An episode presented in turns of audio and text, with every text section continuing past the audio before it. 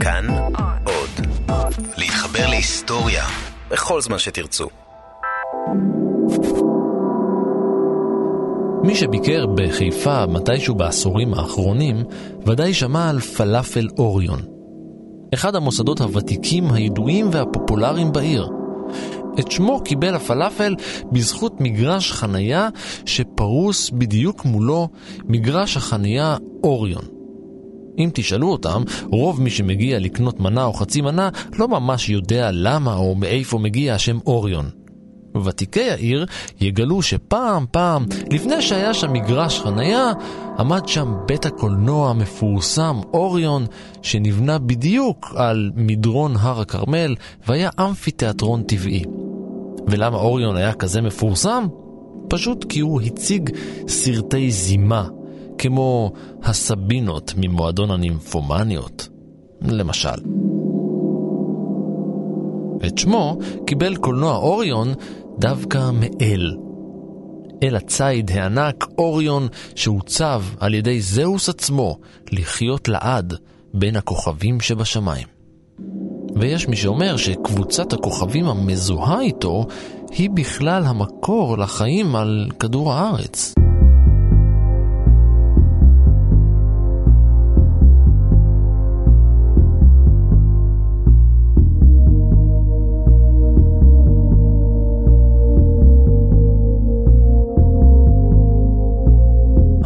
אני רן מנהר ואתם על מנהר הזמן.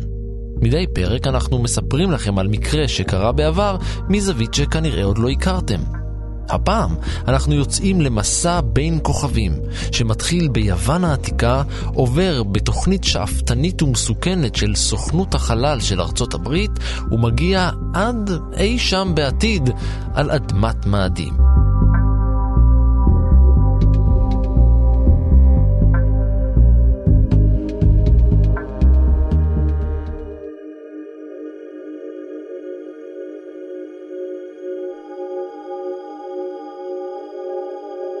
אנחנו לא באמת יודעים מה הבסיס לסיפור על האל אוריון. המקורות של המיתולוגיה היוונית רבים. רק לסיפור לידתו יש שתי גרסאות עיקריות, ולמותו עוד הרבה יותר. על פי המיתולוגיה, אוריון נולד איפשהו בביוטיה כבנו של אל הים פוסידון ואחת מבנותיו של מלך קרטים מינוס. כיוון שהיה בנו של אל הים, הוא היה מסוגל ללכת על המים.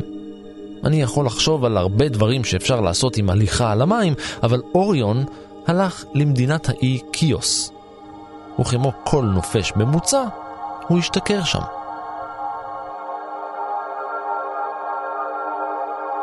על פי המיתולוגיה, השליט היה אוינופיון, והוא היה זה שהביא אל האי את מלאכת הכנת היין. משמעות השם היא יוצר היין. כשהוא שתוי, אוריון שם על הכוונת שלו את בתו של שליט האי. הוא התאהב בה וניסה להתחיל איתה. מי שלא נענתה לחיזוריו, תקף ואנס אותה. אוינופיון היה מזועזע. הוא כל כך רתח על אוריון שהוא החליט לנקום. הוא תפס אותו, השקע אותו שוב לשוכרה, ואז ניכר את עיניו ושלח אותו לאלף עזאזלים.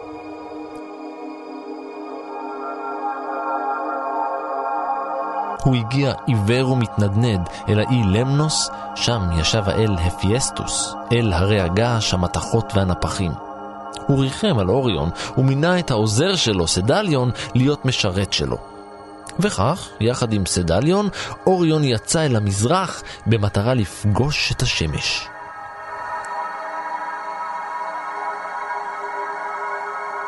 כולנו יודעים שאסור להסתכל על השמש ישירות, כיוון שאפשר בהחלט להתעוור, אבל אוריון לא היה כמו כולנו, הוא היה אל. ולכן אור השמש החזיר לו את מאור עיניו. כאות תודה על שירותיו, אוריון נשא את צדליון על כתפיו כל הדרך חזרה אל קיוס כדי לנקום במלך על הנקמה שהוא נקם בו. אבל אפיאסטוס שוב התערב. המלך אוינופיון התחבא מתחת לאדמה במבצר שבנה לו אפיאסטוס. הוא חיפש וחיפש, אבל כשלא מצא את המלך, ויתר ויצא אל כרתים. הוא הלך להירגע באיזה מסע ציד טוב, עם האלה ארתמיס ואימא שלה. במהלך הציד הוא יצא בהצהרה דרמטית. אני הולך להרוג את כל החיות על פני האדמה. ההתנגדות לכוונותיו לא איחרה לבוא, והגיעה בדמותו של עקרב ענק שנשלח על ידי אימא האדמה, גאיה, לחסל את אוריון. אלים, מתברר על פי הסיפור, אינם בני על מוות. אחרי שמת, ביקשו האלות מזהוס שיושיע את אוריון ויציב אותו בין קבוצות הכוכבים ברקיע. וכך היה.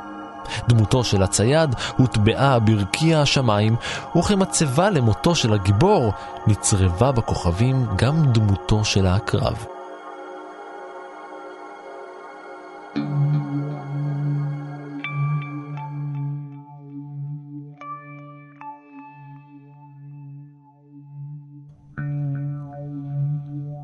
נראה שלאורך ההיסטוריה, למין האנושי יש קיבעון עם קבוצת הכוכבים אוריון.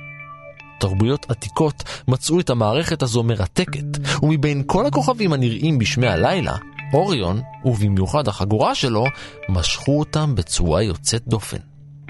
קבוצת הכוכבים אוריון היא אחת הבולטות בשמי הלילה. בהרבה מקומות בעולם אה, מזהים את הקבוצת כוכבים הזו כקבוצת כוכבים שמציינת איזשהו צייד. זהו יואב לנצמן, מהנדס מערכת בכיר בעמותת Space.il. היא אחת מקבוצות הכוכבים הבודדות שבאמת נראית, זאת אומרת לא צריך הרבה דמיון בשביל זה. השנייה זה הקרב דרך אגב. היא קבוצה שבתקופת החורף נמצאת בערב אה, בשמיים, יש שם כוכבים אה, בהירים יחסית.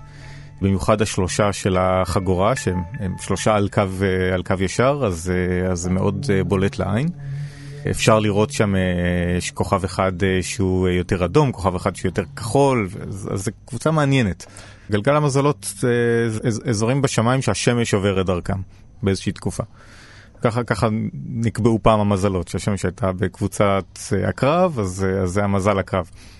היום אנחנו כבר מזל וחצי משם, אה, למי שעדיין מסתכל על השמיים ולא קורא את המדורים של האסטרולוגיה. בסדר, האסטרולוגיה הייתה, היה לה את תפקידה לפני איזה שלושת אלפים שנה, שהייתה התחלה של הרישום של איפה הכוכבים נמצאים, אבל מאז אין לה באמת תוקף, או אה, זה לא באמת משפיע עלינו. אבל זה תופעת טבע, זה משהו שאנחנו uh, רואים, שיפה לראות, יפה לסווג ככה כוכבים, נוח לסווג ככה כוכבים. ואם זה נותן איזה שהן צורות שהן בעלות משמעות, אז זה בכלל, uh, בכלל טוב ויפה.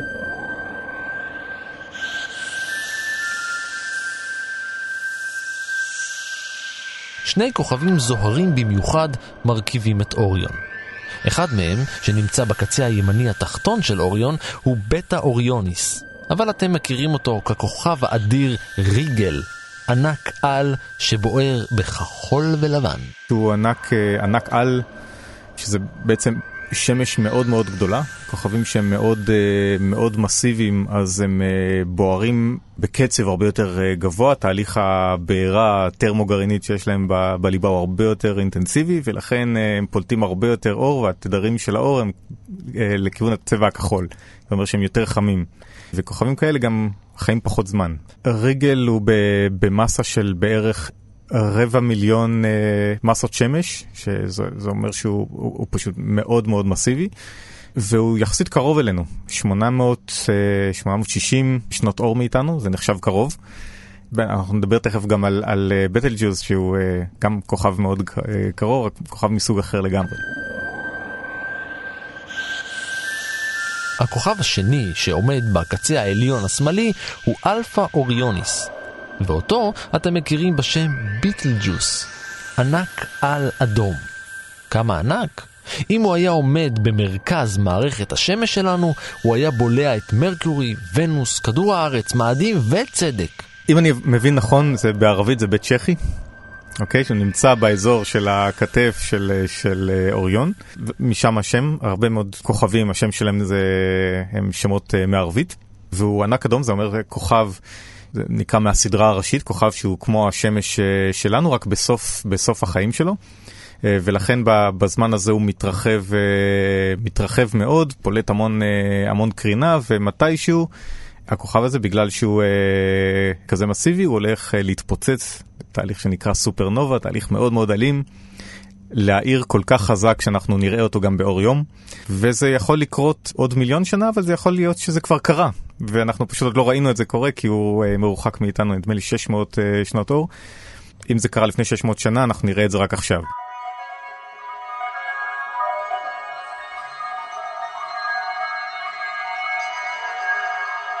חוץ משני הכוכבים האלה, אוריון מורכב משבעה כוכבים עיקריים, ובסך הכל מ-81 כוכבים, לעשרה מהם יש גם פלנטות. הצורה השטוחה שמתקבלת בשמיים נראית כמו צייד הדורך את קשתו. בדימויים אחרים של קבוצת הכוכבים הזו נראה אוריון הצייד מניף את נשקו ומגן על עצמו במגן. הזכרנו שני כוכבים שנמצאים במרחק די גדול אה, אה, אחד מהשני. יחסית אלינו, אז, אה, אז אם היינו מסתכלים מזווית אחרת, היינו רואים אותם אולי אפילו בכיוונים הפוכים, הקבוצת כוכבים הייתה נראית משובשת לחלוטין. אז כן, זה רק עניין של זווית ראייה. אז מה יש לנו עם הקונסטלציה הזאת, עם מערכת הכוכבים הזאת, שמשגע אותנו כל כך הרבה שנים?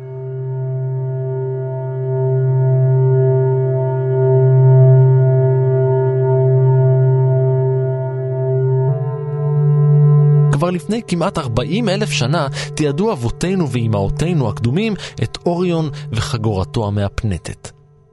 בשנת 1979, כשארכיאולוגים נכנסו למערה בעמק אח בגרמניה, הם גילו בתוכה עצמות ממותה מגולפות, ועליהן מוטבעת דמותו של מי שעשרות אלפי שנים לאחר מכן יהיה הצייד המיתולוגי.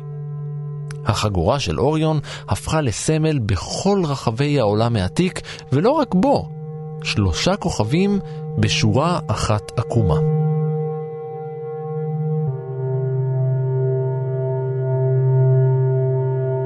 התרבות האנושית הראשונה בהיסטוריה הייתה התרבות השומרית. זו הייתה תרבות מתקדמת, שנוצרה כאילו יש מאין.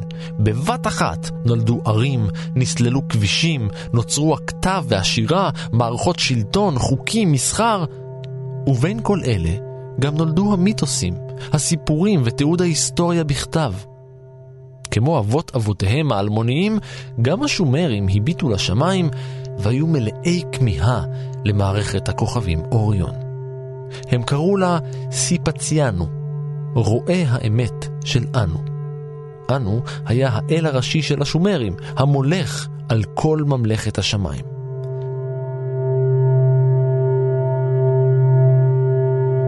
אם תבדקו במילון אבן שושן, תגלו שאחת ההגדרות של המילה כבוד היא כינוי לדרגת זוהר הכוכב שנראה לעין. והכבוד של אוריון היה גדול.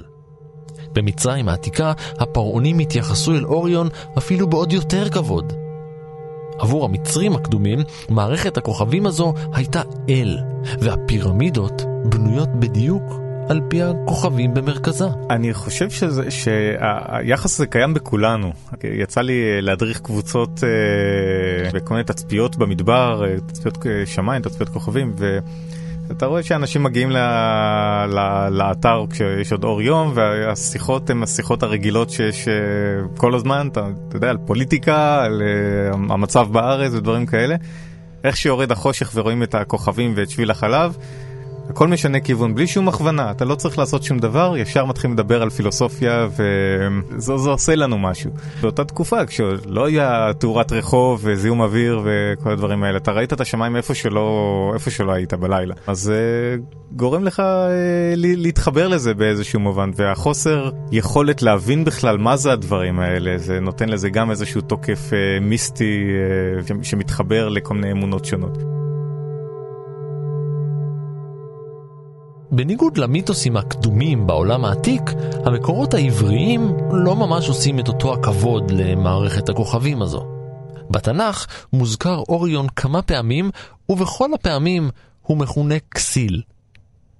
בספר קהלת מופיע הפסוק החכם עיניו בראשו והכסיל בחושך הולך. יכול להיות שהכוונה היא לאוריון, שנראה כאילו הולך בשעות החשיכה מקצה האופק ועד קצהו? אני מכיר את זה, שה, שהפירוש של זה זה, זה טיפש, או, או מישהו פשוט אה, חסר ידע. זאת אומרת, תלוי איך אתה מפרש לי את הפסוק הזה.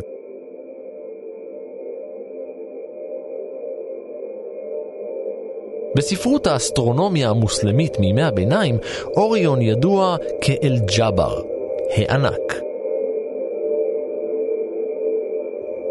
שלושת כוכבי החגורה שלו נושאים שמות ערביים עד היום.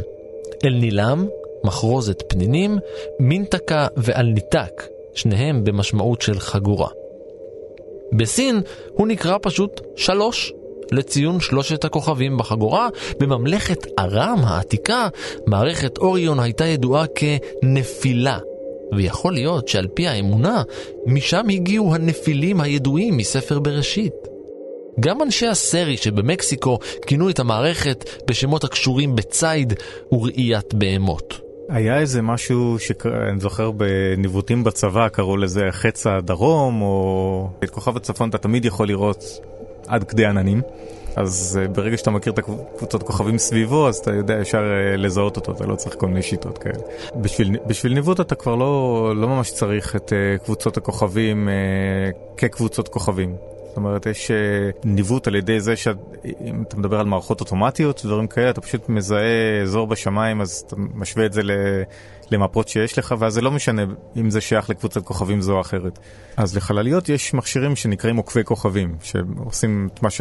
את מה שאמרתי בעצם, מזהים, הם מצלמים תמונה של, של השמיים ומתאימים אותה ל database שיש להם. צריך התאמה של איזה 80 אחוז או משהו כזה, כי לפעמים עובר איזה משהו נוסף, איזה אסטרואיד או אה, משהו כזה, ההתאמה לא חייבת להיות שלמה. אה, ועם זה אתה יודע לאן אתה בדיוק מכוון.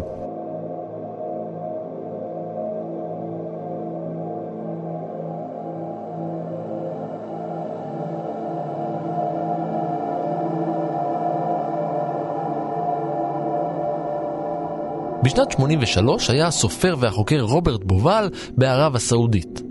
באחד הלילות הוא יצא עם משפחתו וחברים אל המדבר הערבי לקמפינג על הדיונות. כמו בכל לילה, בשמיים עלה אוריון. אחד הנוכחים הצביע על חגורת הצייד וציין בקול רם כי הכוכבים בה לא יושבים בצורה ישרה, אחד מהם חורג ממנה. שתי קצוות של מחשבה התחברו ברגע אחד במוחו של בובל. זה בדיוק אותו המערך של הפירמידות במצרים. שש שנים לאחר מכן הוא פרסם את התיאוריה שלו במגזין דיונים באג'יפטולוגיה ומיד עורר סערה. על פי הסברה שלו, מערך הפירמידות במצרים הוקם על פי הכוכבים בחגורת אוריון כפי שהייתה בשמיים לפני יותר מעשרת אלפים שנה. היום יש מכשירי מדידה מספיק מדויקים בשביל אה, למדוד את התנועה של הכוכבים, את התנועה המרחבית שלהם, ולפי זה אפשר, אה, אפשר לחשב לאחור איפה הם היו לפני כך וכך שנים, ו, ואז איך ראינו אותם איפה שאנחנו נמצאים. אני, אני די ספקן לגבי, לגבי זה, כי... זה, זה יכול להיות גם מקרי, זאת אומרת, אה, זה בסך הכל שלוש נקודות שנמצאות אה, על אותו קו. אני בטוח שאם אה, אתה רוצה לחשב בדיוק את, ה, את הזוויות ביניהם, אז לאן? לצד של הפירמידה, לאמצע של הפירמידה, אתה יכול פשוט לשרטט את הקו איך שנוח לך בשביל שזה יתאים. זאת אומרת, זה, זה נורא קל יחסית למצוא אה, דרך אה, להפוך את זה למשהו... תראה, אה, נראה לי שאם זה היה קשור לזה, אז היית מוצא עוד קשרים לקבוצת כוכבים הזו. היית מוצא איזה ציטוטים של, אה, של הקבוצה הזו בכל מיני מקומות באזור. זה, זה נראה לי לא מספיק בשביל, אה, בשביל שאפשר אה, לקבוע שזה באמת, באמת זה. בין אם התיאוריה נכונה או לא, קשה להתעלם מצירוף המקרים. באנגליה שוכב לו מערך תורנבורו, שלושה הנג'ים, מעגלי ענק, שצילקו את אדמת האי הבריטי. הגבעות והשוחות שולבו בתוך הנוף בחפירות, אבנים וכלונסאות עץ, וכמו הפירמידות במצרים, גם המערך הזה תואם בדיוק את מערכת הכוכבים אוריון. על פי הערכות, המערך הזה נבנה איפשהו בין שנת 2500 ושנת 3500 לפני הספירה. גם הפירמידות שבטיוטיוואקן, עיר האלים שבמרכז אמריקה, מסודרות על פי אותו המערך. בכל מקרה, יש קשר הדוק כלשהו בין הכוכבים ובין האנושות. לכן אין פלא שארצות הברית של אמריקה קראה פעם לאחד הפרויקטים השאפתניים ביותר שלה בחלל פרויקט אוריון. ומה שהיא רצתה לעשות זה להטיס חלליות על גבי פצצות אטום.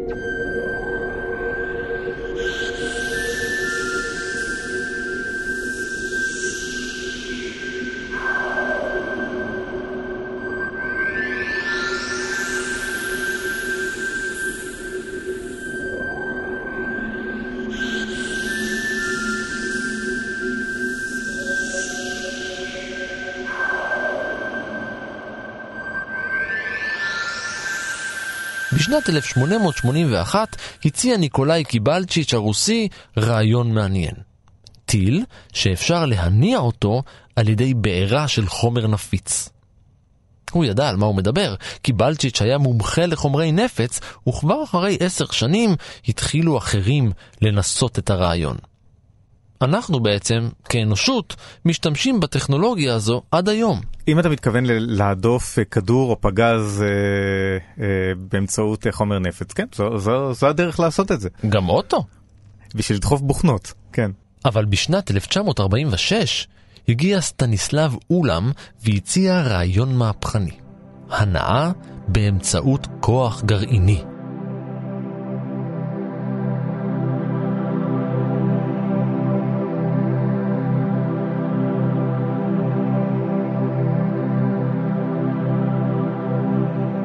ההכנות, השרטוטים והתוכניות החלו לקרום עור וגידים בשנה שלאחר מכן בארצות הברית, ותוך עשור הוכרז פרויקט חדש. גם מנועים כאלה קיימים כיום, כמו בצוללות גרעיניות. יש מנועים של, אה, שהכור גרעיני בפנים, ש, שגורם ל, לחימום של משהו, של גז, והגז יוצא החוצה ויכול לסובב טורבינה ו, וכן הלאה. זאת אומרת, ככה עובדים כורים גרעיניים אה, להפקת חשמל, והיו גם כלי תחבורה ש... שהיה להם הנעה גרעינית. אה, היו אפילו מטוסים עם כור גרעיני שהניע אותם. הייתה את התקופה שבה כל דבר אטומי היה מגניב. אני גם זוכר באחד, באחד מהספרים של, אה, של פיינמן, הוא כותב ש... שכשהם עבדו בסוף פרויקט מנהטן, שכבר ראו את הסוף, אז כבר באו אליהם אנשים ממשרד הפטנטים והכריחו אותם לרשום פטנטים על כל מיני רעיונות שיש להם מה לעשות עם אה, אנרגיה גרעינית. אז uh, פיינמן כותב שם, אז uh, זרקתי ככה מטוס גרעיני, פשוט שיעזבו אותו בשקט. שנים אחרי זה חזרו אליו בשביל לעשות משהו עם הפטנט הזה, כי זה רשום על שמו. היו מטוסים גרעיניים, גם לאמריקאים, גם, ל, גם לרוסים. אצל האמריקאים אני חושב שזה לא הבשיל בכלל, כי, כי הם הבינו שזה נורא קשה, צריך כל מיני מערכות קירור ודברים כאלה, וזה נורא כבד. הרוסים עשו את זה, זיהמו ככה את הסביבה, הרגו את הטייסים, אבל uh, זה, זה, זה קרה, זה טס.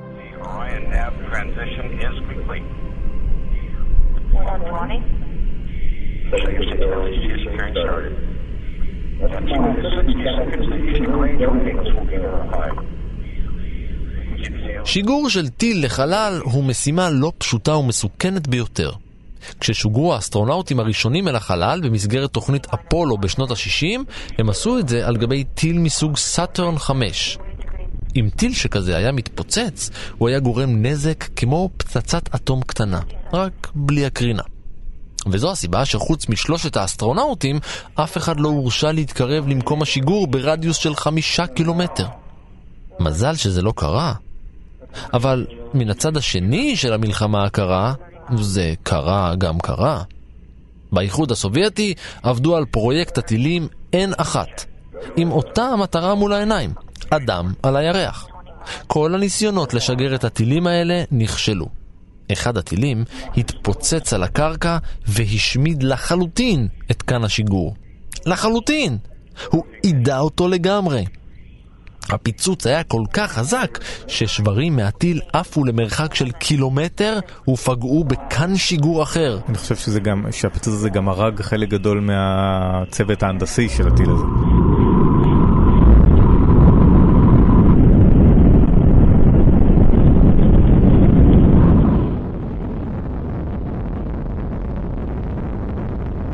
כל זה קרה בסוף שנות ה-60, ורק תדמיינו מה היה קורה אם היה מדובר בטיל שמונע בפצצת גרעין. בגלל שהמרוץ החימוש באותה תקופה היה למי יש אה, פצצה גרעינית יותר uh, חזקה, אי אפשר היה ממש להוכיח את זה אחד על השני, אז ההוכחה של יכולת טכנולוגית בעצם הוכיחה של תראה מה הייתי עושה לך אם רק הייתי מתכוון לזה.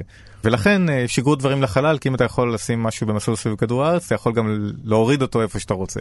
אז uh, באוקטובר, תחילת אוקטובר 1957, הרוסים משגרים את הלוויין הראשון, את ספוטניק, והאמריקאים uh, בתדהמה, בהלם טוטאלי, לא ציפוי שזה הולך לקרות כל כך מהר, והלוויין הזה גם עובר מעל אדמת ארצות הברית, ולאמריקאים אין, לא רק שאין להם את היכולת ליירט, ל- ל- לשבש אותו, משהו כזה, אין להם את היכולת לעשות את אותו דבר. הטילים שלהם עדיין מתפוצצים כשהם מנסים להמריא. לגמרי, ולוקח להם זמן להדביק את הקצב.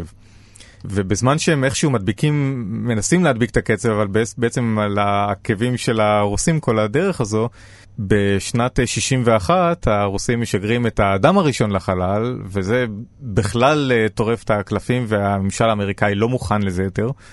ומשקיעים את התקציבים שנדרשים בשביל לעשות קפיצת מדרגה כל כך גדולה שלרוסים לא יהיה סיכוי אה, להספיק לעשות אותה בזמן, והקפיצת אה, מדרגה הזו זה להנחית אדם על הירח עוד באותו עשור.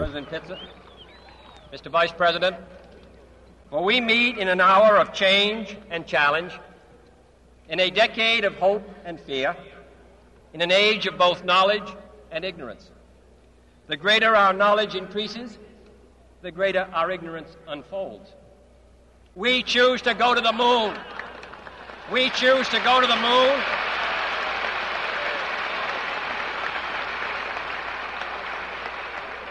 We choose to go to the moon in this decade and do the other things. Not because they are easy, but because they are hard. ולעשות את זה כשעוד אין להם טילים שמתקרבים אפילו טילים שנדרשים בשביל זה, אין להם מושג באיזה חומרים להשתמש או באיזה דלקים להשתמש, המנועים שם זה מדע בדיוני לחלוטין, ובכלל, איך, איך להסתדר בחלל, איך אה, לשהות כל כך הרבה זמן בחלל, אם בכלל אפשר לשרוד כל כך הרבה זמן בחלל, זה שאלות שאף אחד לא יודע עליהן. לא ידוע אם אפשר אה, לבלוע מזון באפס כבידה. לא יודעים. צריך להתחיל לבדוק את הכל ולנסות את הכל ולבנות את הכל וכל התכנון והדברים האלה. עבודה של איזה מיליון אמריקאים אה, שצריכים להיות מגויסים לדבר הזה, ובסוף כמובן אנחנו יודעים שהם, שהם באמת אה, הצליחו לעשות את זה.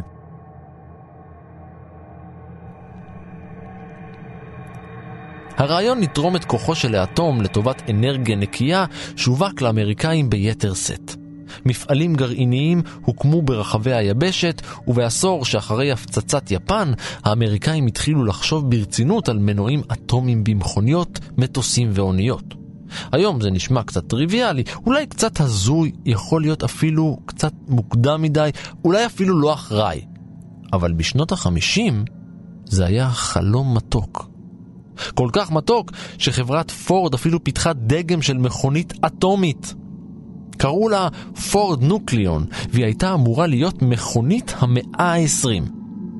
ב-1957 היא הוצגה והייתה אמורה לנסוע יותר מ-8,000 קילומטר באמצעות מוט דלק גרעיני אחד. בסופו של דבר הרכב לא עבר את שלב הפיתוח, וב-1958 הוקם צוות מיוחד של פיזיקאים ומדעני אטום כדי לעמוד בראש המחקר והפיתוח של פרויקט אוריון.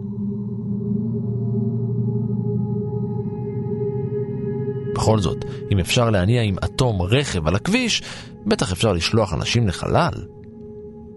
הרעיון בהתחלה היה לבנות כלי טיס שיכיל מאגר של פצצות מימן שישוחררו מחללית בזמן הטיסה ויתפוצצו אחת אחרי השנייה. מהדף הפיצוץ, החללית הייתה נעה קדימה. המשמעות היא עצומה. כל פצצה נוספת הייתה מגבירה את מהירות החללית עד שמסע אל קצה מערכת השמש היה אורך שנה אחת בלבד. החללית האחרונה שעש, שעשתה את המסע הזה, New Horizons, חללית שנועדה להגיע לפלוטו, ועשתה זו בהצלחה יתרה, לקח לה עשר שנים לעשות את זה, והיא אחת החלליות הכי מהירות ש... שהיו אי פעם. למה היא מהירה? כי היא חללית מאוד קטנה ושמו אותה על הטיל הכי גדול שיש, זה נתן לה את הבוסט ש... שנדרש, עדיין עשור. מסע אל מערכת כוכבים אחרת, הקרובה ביותר, היה אמור לקחת 100 שנה בלבד. זה עשרות אלפי שנים, בחלליות עם אה, רגילות. אלפא סנטאורי, זה ארבע שנות אור, ויש שם, אה, שם שלושה כוכבים שהקרוב משם נקרא פרוקסימה סנטאורי. לאחרונה גם גילו שם כוכבי לכת, כולל כוכב לכת שעשוי להיות דומה לכדור הארץ, אבל מפה ועד להגיע לשם יש פער טכנולוגי אה, שכרגע הוא עדיין לא ניתן להשגה, ולכן השיטה הזו של פרויקט אה, אוריון היא בעצם הש, השיטה היחידה שמאפשרת באמצעות טכנולוגיה קיימת לעשות את הדבר הזה, להגיע לשם בטווח זמנים אה, שהוא סביר יחסית לכל השאר. במשך כמעט עשר שנים עבדו על הפרויקט הזה בחברת ג'נרל אטומיקס בשיתוף פעולה עם חיל האוויר האמריקאי. פרויקט סודי מאוד דרך אגב. וזה עלה על כל הציפיות. יותר מזה, זה עלה על כל התוכניות. למערכת הנעה שכזו לא היה תקדים. מערכת הנעה לא מזהמת, זולה, עם פוטנציאל לתחבורה בין כוכבית, מה יכול להיות רע? מה? הזיהום הרדיואקטיבי, זה מה? המתנגדים מיד שמו רגליים. נשורת גרעינית מכלי תעופה שכזה משמעותה אסון בקנה מידה עולמי. בכירי הממשל והפוליטיקאים סירבו לאשר למנוע שכזה לצאת אל אוויר העולם. וחבל, כי התוכניות המקוריות היו אדירות. משימות מאוישות למאדים כבר בשנת 65 ומשימה לשבתאי בשנת 70. ודרך אגב, להגיע לשבתאי נדמה לי שתוך חודשים ספורים. להגיע למאדים וחזרה, היה, זו הייתה משימה של 140 אה, יום או, או משהו בקנה מידה הזה. היום כשמדברים על טיסה למאדים וחזרה, מדברים על משימות של 400-500 יום. זאת אומרת, זה, we had the technology. הצוות כבר בנה מודל של החללית בגובה 2 מטרים, ללא כור גרעיני, וביצע ניסוי על רטוב. אה, כמעט, הפיצוצים לא היו גרעיניים, אבל ההיתכנות הוכחה. הרכב התקדם יותר מהר ויותר מהר עם כל פיצוץ. מ-1972 המודל הוצג במוזיאון הסמיצוניאן וכיום הוא במחסנים. אבל בשנת 63 נחתמה האמנה למניעת ניסויים בנשק גרעיני בכדור הארץ, באוויר או בחלל. שנתיים לאחר מכן הופסק ובוטל פרויקט אוריון.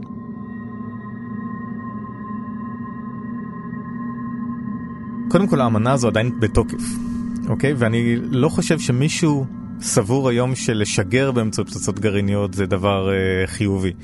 אבל אחרי שהגעת לחלל באמצעים קונבנציונליים או באמצעים חדשניים אחרים, אתה יכול להרכיב את המערכת הזו בחלל ולהשתמש בה בחלל בצורה שהיא לא, אה, לא תסכן. ולכן זה, זה פיזיבילי, זה משהו שיכול לקרות. אה, האם מישהו הולך אה, לעשות את זה? לא ידוע לי שמישהו כרגע אה, מתכנן דבר כזה. אה, אני כן חושב שזה יכול להיות שימוש אה, הרבה יותר טוב לנשק גרעיני מאשר אה, מה שבדרך כלל מייעדים אותו. אבל אני לא רואה לא את ארצות הברית ואת האירופאים או אפילו את הרוסים עושים את זה. לגבי הסינים, אתה יודע, הם יכולים להחליט שהם עושים את זה ולעשות את זה. בכיוון המרכזי שעובדים עליו היום זה, זה נקרא הנאה חשמלית או הנאה יונית, הנאת פלזמה גם. המנועים האלה כבר קיימים, גם בשנות ה-80 אה, זה היה קיים אצל הרוסים, זה מנועים שנותנים דחף בצורה הכי יעילה ש, שקיימת היום.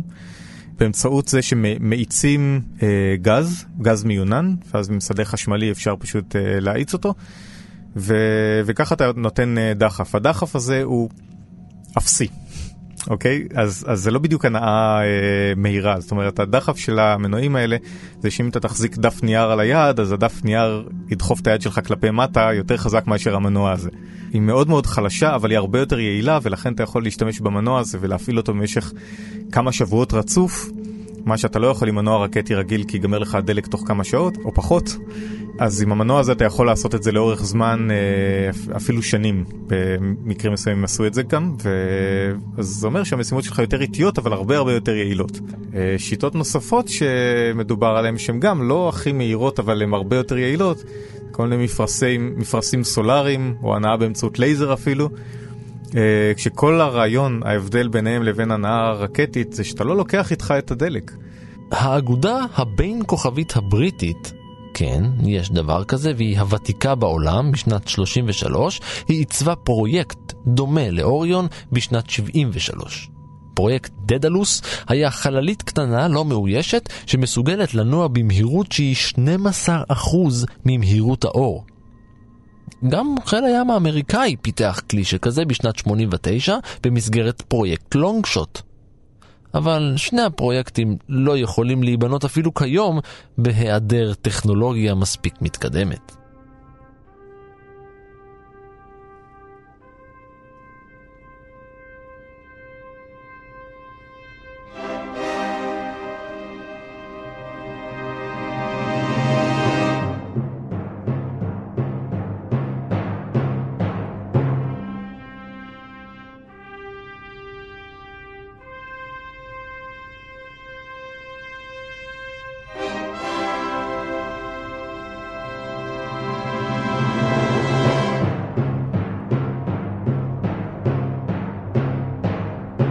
בספר 2001 אודיסאה בחלל עוצבה החללית USS Discovery כחללית מסוג אוריון.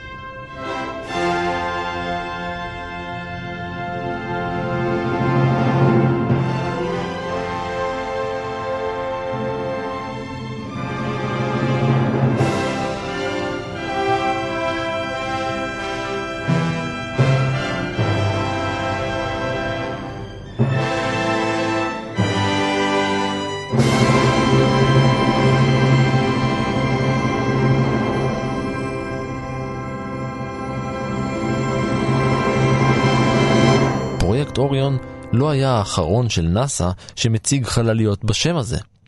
באוקטובר 2015 פרסמה סוכנות החלל האמריקאית את תוכניתה המפורטת למסע למאדים, תחת הכותרת מסע נאס"א למאדים, חלוציות הצעדים הבאים בחקר החלל. בתוכנית מציגה נאס"א כיצד היא מיישרת את כל פעילותה כדי להשיג את המטרה. המסע למאדים עובר דרך שלוש נקודות, שלושה אתגרי על. הראשון הוא חקר בקרבת כדור הארץ. מדובר במחקרים על תחנת החלל הבינלאומית, בחינת טכנולוגיות, שיפור בריאות האדם. באתגר השני ילמדו מבצעים מורכבים בחלל העמוק שיסייעו לחברי הצוות לחזור לכדור הארץ תוך ימים ספורים. הפעילות הזאת תתרחש בעיקר בחלל שבסביבת הירח. האתגר השלישי יכלול פעילות שאינה נתמכת בכדור הארץ, היא תתבסס על כל מה שילמד בשני השלבים הקודמים ותתבצע בקרבת מאדים, ככל הנראה במסלול הקפה קרוב לפני השטח. המשימות למאדים יהיו קר לשיתוף פעולה בינלאומי בין נאס"א והשותפות שלה ברחבי העולם. אם זה לא היה ברור עד כה, מדובר בשינוי ובהרחבה של ההתיישבות האנושית בחלל. כל זה יקרה באמצעות החלליות החדשות ביותר של הסוכנות מדגם אוריון. החללית הזו כבר קיימת, אה, חללית שיכולה לשאת ארבעה אסטרונאוטים. האסטרונאוטים האלה כבר נבחרו, והחללית הזו בצורה לא מאוישת כבר אה, טסה פעם אחת, פשוט טיסת ניסוי.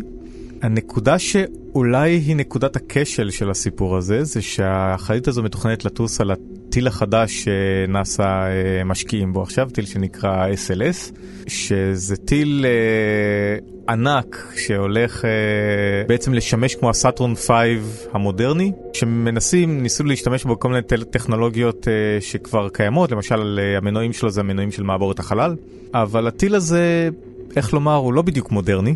טכנולוגיה שהטילים כבר התקדמה לאחרונה הרבה מאוד בזכות השוק הפרטי, חברת SpaceX. ומעריכים שעלות השיגור של הטיל הזה תהיה כל כך גבוהה שבעצם אף פעם לא ישתמשו בו. כי הרבה מהסיבות לזה שהוא קיים בכלל זה סיבות פוליטיות, של לשמר מקומות עבודה במקומות שבהם יש בוחרים וכולי.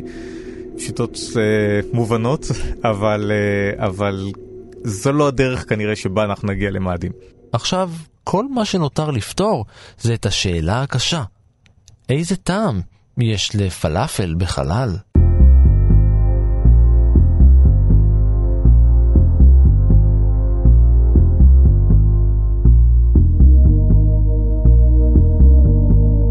ועד כאן מנהר הזמן להפעם. תודה ליואב לנצמן, תודה גם לאור מנהר שיצא לצוד והיה על ההפקה, ולניר גורלי שהזמין מנה והיה על העריכה. תודה גם לדנה בר קגן על בדיקת העובדות, לעוד מידע על פרויקט Space.il, חפשו ברשת את האתר שלהם. מחובר אליו גם אתר לילדים, ששם יש אה, סיפורים ומידע וסרטונים. מי שמעוניין גם יכול להצטרף לצוות המיזם. פרקים נוספים של מנהר הזמן וסיפורים אחרים מההיסטוריה ניתן למצוא באתר שלנו בכאן.org.il/פודקאסט, באפליקציה כאן אודי או בכל אפליקציות הסכתים שאתם מעדיפים. תודה גם לשאול רז שהציע את הרעיון לפרק. גם אתם מוזמנים להציע רעיונות משלכם, לעקוב אחריי ברשתות החברתיות, להגיב, להעיר ובעיקר להתחבר. אני ערן מנהר, נשוב וניפגש בפרק הבא.